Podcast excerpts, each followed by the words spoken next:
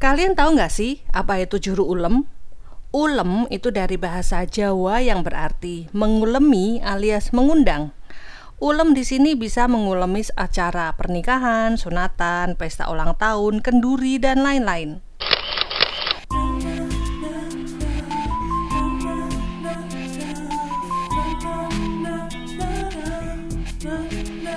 Yeay, kembali lagi kita di podcast Lila Bercerita. Nah, uleman yang umum didapat nanti selama bulan Ramadan adalah undangan buka puasa bersama. Eh, tapi ingat, pandemi COVID-19 masih belum berlalu loh. Jadi pilih-pilih yang bijak ya untuk undangan buka puasa ini. Seleksi siapa saja yang bergabung, jumlahnya dan tentu saja tempatnya. Ah, kenapa tiba-tiba jadi undangan buka puasa sih? ya, karena di segmen baca lantang ini saya mau bacain tentang juru ulem yang pernah menjadi bagian sejarah penyampaian undangan. Alih-alih menggunakan surat undangan, sangat unik loh dan membutuhkan banyak waktu dan tenaga untuk urusan undangan ini fenomena juru ulem ini kalau nggak salah ingat saya masih sempat menyaksikan seseorang datang ke rumah saya menyampaikan undangan untuk ibu saya. Itu mungkin terjadi sekitar pertengahan tahun 80-an lah atau sebelumnya ya. Buka umur nih lupa ah. Yuk simak ya segmen Read Aloud kali ini dengan tema Juru Ulem yang saya ambil dari buku Remah-Remah Kisah Semarang karya Rukardi satu tulisannya tentang banjir sudah pernah saya bacain di podcast segmen Read Aloud juga. Kalau kalian belum sempat dengerin, scroll ya playlist di sini yang berjudul Monumen Banjir Bandang Semarang. Ya, itu bisa nanti kalian dengerin dulu kisah tentang juru ulem ini.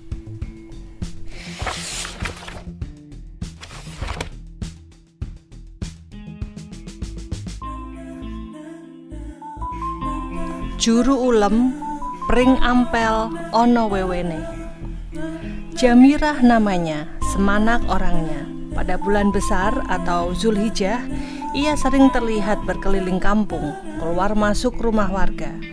Kepada sahibul bait Perempuan yang bermukim di kampung Ngemplak Kelurahan Tandang Kecamatan Tembalang Kota Semarang itu Acap menyapa Pring ampel ono wewene dempel-dempel ono gawene. Kula nuwun, perlu kula mriki sepindah badhe silaturahmi. Kaping kalih ngaturi panjenengan tilik manten wonten griyane si Benjang. Di kalangan warga ngemplak dan sekitarnya, Jamirah dikenal sebagai juru ulem. Ia bertugas menyampaikan ulem atau undangan dari pemilik hajat kepada warga untuk menghadiri pesta, baik pernikahan maupun khitanan. Undangan bukan tertulis, melainkan lisan. Menjadi juru ulem telah dilakoni Mak Jam, begitu sapaan akrabnya selama bertahun-tahun. Ia mewarisi profesi itu dari bibinya, Semah. Sang bibi yang telah uzur tak lagi mampu menjalankan pekerjaannya. Maklum, juru ulem adalah pekerjaan berat yang membutuhkan fisik kuat. Untuk menyampaikan undangan, juru ulem harus berjalan kaki dari kampung ke kampung, terkadang sampai berhari-hari. Menjadi juru ulem, ujar dia, tidak butuh keterampilan khusus. Yang penting punya fisik dan mental kuat serta pandai bergaul. Perihal kecakapan bicara bisa dipelajari sambil lalu. Mental kuat diperlukan karena juru ulem itu seperti wong ngemis. Kerjanya mendatangi rumah demi rumah untuk tujuan tertentu. Terkadang ditanggapi baik, tapi sering kali sebaliknya. Mereka beranggapan kalau juru ulem datang berarti bakal ada kewajiban untuk nyumbang, dan itu artinya harus siap-siap keluar uang. Lama menjadi juru ulem, Mak Jam sudah kebal dengan sikap warga yang kurang menyenangkan. Atas nama profesi, ia harus bisa menanggapinya secara wajar. Menurut perempuan kelahiran 1941 itu, tugas utama juru ulem adalah menyampaikan amanat pemilik hajat. Andai ikhtiarnya tak mendapat respons positif, itu sudah di luar wewenangnya. Untuk menghindari perasaan tidak enak, saya biasanya bilang, duwe duit yen awake loro yo mending dinggo tuku obat. Tapi muga-muga diparingi kewarasan supaya iso teka mendelok manten. Artinya meski punya uang kalau badan sakit lebih baik untuk beli obat. Tapi mudah-mudahan diberi kesehatan supaya bisa hadir menyaksikan mempelai. Tanggapan atas undangan juru ulem juga dipengaruhi oleh sikap pemilik hajat. Kalau sebelumnya sering menghadiri hajatan warga lain, orang dengan sendirinya akan berbondong-bondong menghadiri hajat mantunya. Paribasan, mantu itu seperti orang tandur atau menanam. Kalau banyak menebar benih, hasil panennya juga banyak. Kalau tidak pernah menanam, bagaimana akan membuahkan hasil? Beberapa kali saya menjalankan ulem orang yang jarang nyumbang. Sudah direwangi belasaan ke sana kemari, tamunya pating kelendir alias sedikit katanya. Faktor lain adalah turut sertanya pemilik hajat saat ulem-ulem. Juru ulem biasanya mengajak pemilik hajat ikut berkeliling. Selain untuk menghindari salah persepsi, kehadiran mereka akan membuat orang yang diundang merasa dihargai. Namun jika pemilik hajat enggan atau punya halangan, juru ulem terpaksa jalan sendiri. Juru ulem seperti Mak Jam khusus menyampaikan undangan kepada ibu-ibu. Untuk bapak-bapak dan remaja biasanya menggunakan surat undangan. Karena itulah juru ulam memilih bekerja pada saat kaum ibu punya waktu senggang, yakni antara pukul 10 hingga menjelang petang. Lama tidaknya waktu ulem tergantung luas area serta jumlah orang yang diundang. Kalau cuma satu kampung, bisa selesai dalam satu atau dua hari. Namun jika beberapa kampung, bisa sampai berhari-hari. Mak Jam biasa ulem-ulem ke sejumlah kampung. Selain ngemplak, ia juga menjelajah ke kampung Gombong, Rejo, Banteng, Telumpak, Rogo Jembangan, kini Balu di Kelurahan Tandang, sampai kampung Gabeng yang masuk wilayah Kelurahan Jangli. Bagaimana dengan imbalan? Pada dasarnya juru ulem tidak pernah mematok nominal tertentu. Mereka menerima berapapun yang diberikan pemilik hajat. Kalau banyak, disyukuri. Kalau sedikit, tak perlu diambil hati. Semua dilambari rasa ikhlas. Pada bulan-bulan yang dianggap baik untuk melaksanakan hajat seperti mulut, bakdo mulut, dan besar, order uleman relatif banyak. Para juru ulem biasanya menyiasati itu dengan merapel undangan. Sekali keliling mereka menyampaikan undangan dari beberapa pemilik hajat. Kalau harus satu-satu kan repot. Untuk menghemat waktu dan tenaga, beberapa ulum dijadikan satu. Selama ini, rapelan undangan semacam itu sudah umum kok, katanya. Lazimnya, tiap kampung punya juru ulem sendiri. Bahkan ada juga beberapa juru ulem di satu kampung. Selain Mak Jam yang memiliki jam terbang tinggi, kampung Ngemplak juga ada misi, Yanti dan Siti. Usia mereka rata-rata di bawah 50 tahun Sementara di kampung Banteng ada Ngatumi serta juru ulem generasi di bawahnya yakni Tajem dan Tuti. Di kampung tertentu, profesi juru ulem tak didominasi perempuan. Di Banteng misalnya, ada penyeranta undangan hajatan berkelamin laki-laki yakni Suliman. Sedangkan di kampung Gabeng ada Wakimin. Beda antara juru ulam laki-laki dengan perempuan ada pada beban kerjanya. Jika juru ulem perempuan hanya menyampaikan undangan untuk ibu-ibu secara lisan, Suliman dan Wakimin juga membagikan undangan tertulis kepada bapak-bapak.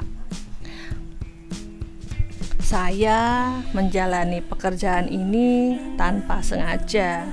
Awalnya dimintai tolong oleh tetangga dekat. Lama-lama orang mengenal saya sebagai juru ulem. Kalau undangannya tertulis, tinggal dibagikan. Tapi kalau tidak ada undangan, ya pakai cara lisan. Saya keliling dari rumah ke rumah biasanya dua minggu sebelum hari H, ujar Wakimin.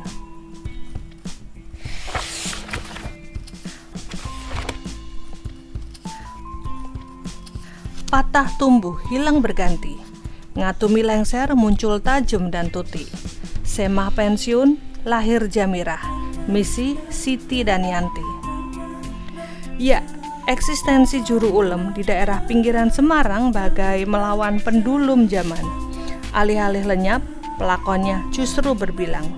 Padahal seiring gerak zaman, faktor-faktor pendukung kelestarian juru ulem kian memudar.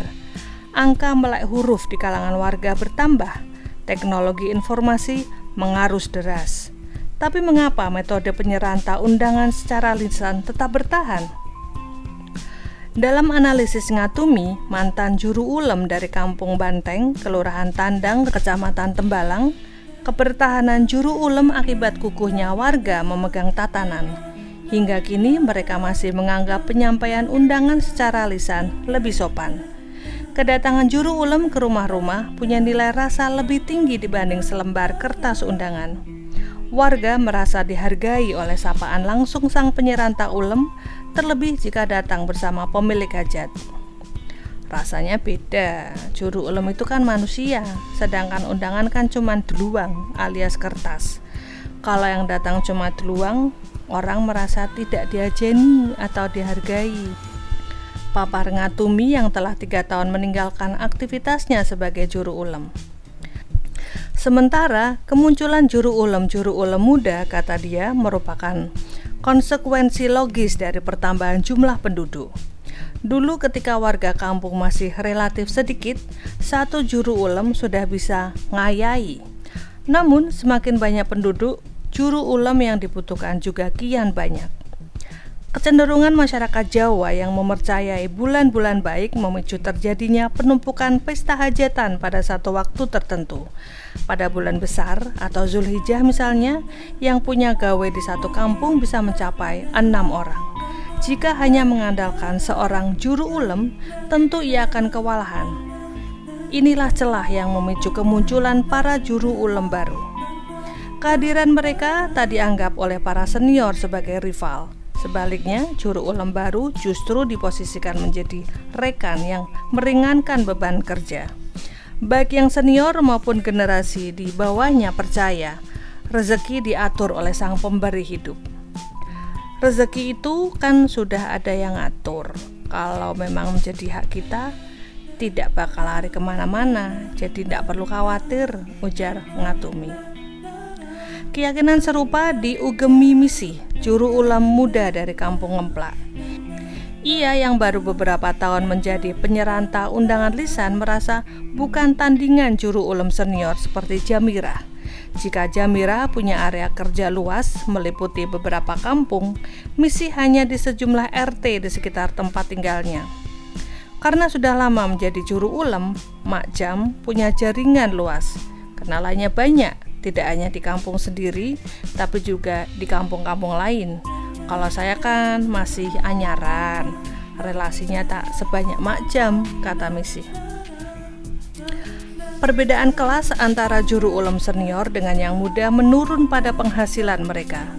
Untuk yang satu ini, Misi bersedia membuka kartu. Meski pada prinsipnya juru ulem tak mematok besaran upah, para pemilik hajat mengetahui tarif mereka dari hasil bisik-bisik. Seorang juru ulem senior rata-rata menerima upah antara Rp100.000 hingga Rp200.000 untuk jasa mereka. Sementara junior seperti dia yang punya lingkup kerja terbatas hanya di kisaran Rp50.000. Tapi sekali lagi itu bukan patokan baku. Saya menerima berapapun pemberian orang yang memakai tenaga saya. Kalau dilambari ikhlas, semuanya akan membawa berkah, kata misi. Lantaran bersifat musiman, misi dan kawan-kawan tak menjadikan juru ulem sebagai pekerjaan utama. Selain ibu rumah tangga, sebagian dari mereka punya aktivitas produktif lain yang hasilnya relatif lebih bisa diharapkan.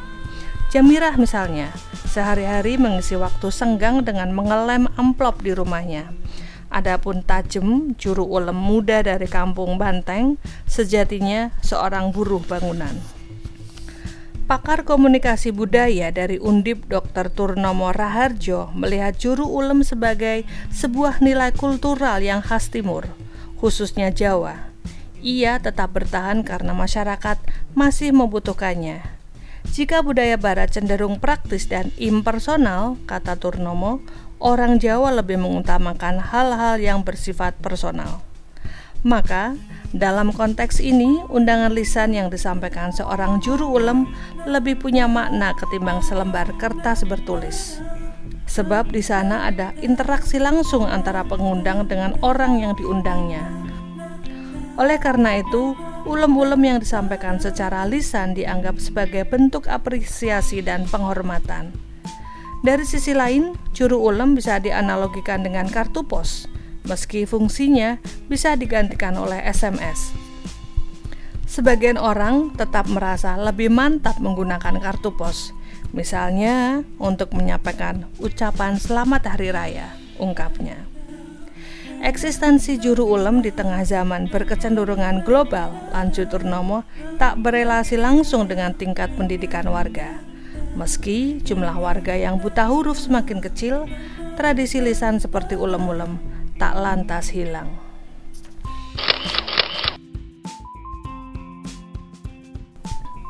Nah, bagaimana? Betapa repotnya ya zaman belum masa digital semua dilakukan secara manual hingga pada urusan mengundang orang-orang pun membutuhkan tenaga dan waktu sedemikian rupa. Tapi buat yang diundang bakal terasa sangat spesial nggak sih? Merasa diajeni gitu.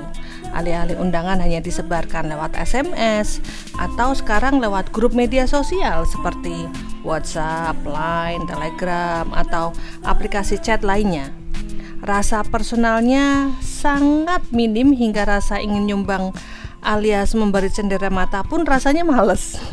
Pikiran jahat saya sih kalau ngirim undangan lewat SMS, bisalah nanti sumbangannya berupa kuota gratis SMS aja. Atau kalau lewat media sosial, kasih aja ucapan selamat yang bisa didapat dari website gratisan. Kalau mau ucapan lebih personal, bisa dibikin sendiri. Kalau nggak bisa ya comot aja dari kartu-kartu ucapan selamat yang sudah jadi. Jahat banget nggak sih? Saya jadi ingat ucapan selamat Hari Raya Idul Fitri itu juga kebanyakan copy paste dari banyak orang. Saking semangatnya copy paste sampai lupa ganti nama pengirimnya. Wow, sekian ah julid saya di podcast ini. Terima kasih ya sudah dengerin. Kalian bisa lo dengerin podcast ini di banyak platform selain Spotify. Kalian bisa juga dengerin di Apple Podcast, Google Podcast, Breaker, Outcast, dan lain-lain. Dan ini tentu saja berkat Anchor yang keren. Yang mau dibacain apa? Silahkan japri di salah satu akun media sosial yang ada di deskripsi podcast ini. Tetap jaga kesehatan dan rasa bahagia kalian ya. See you when I see you.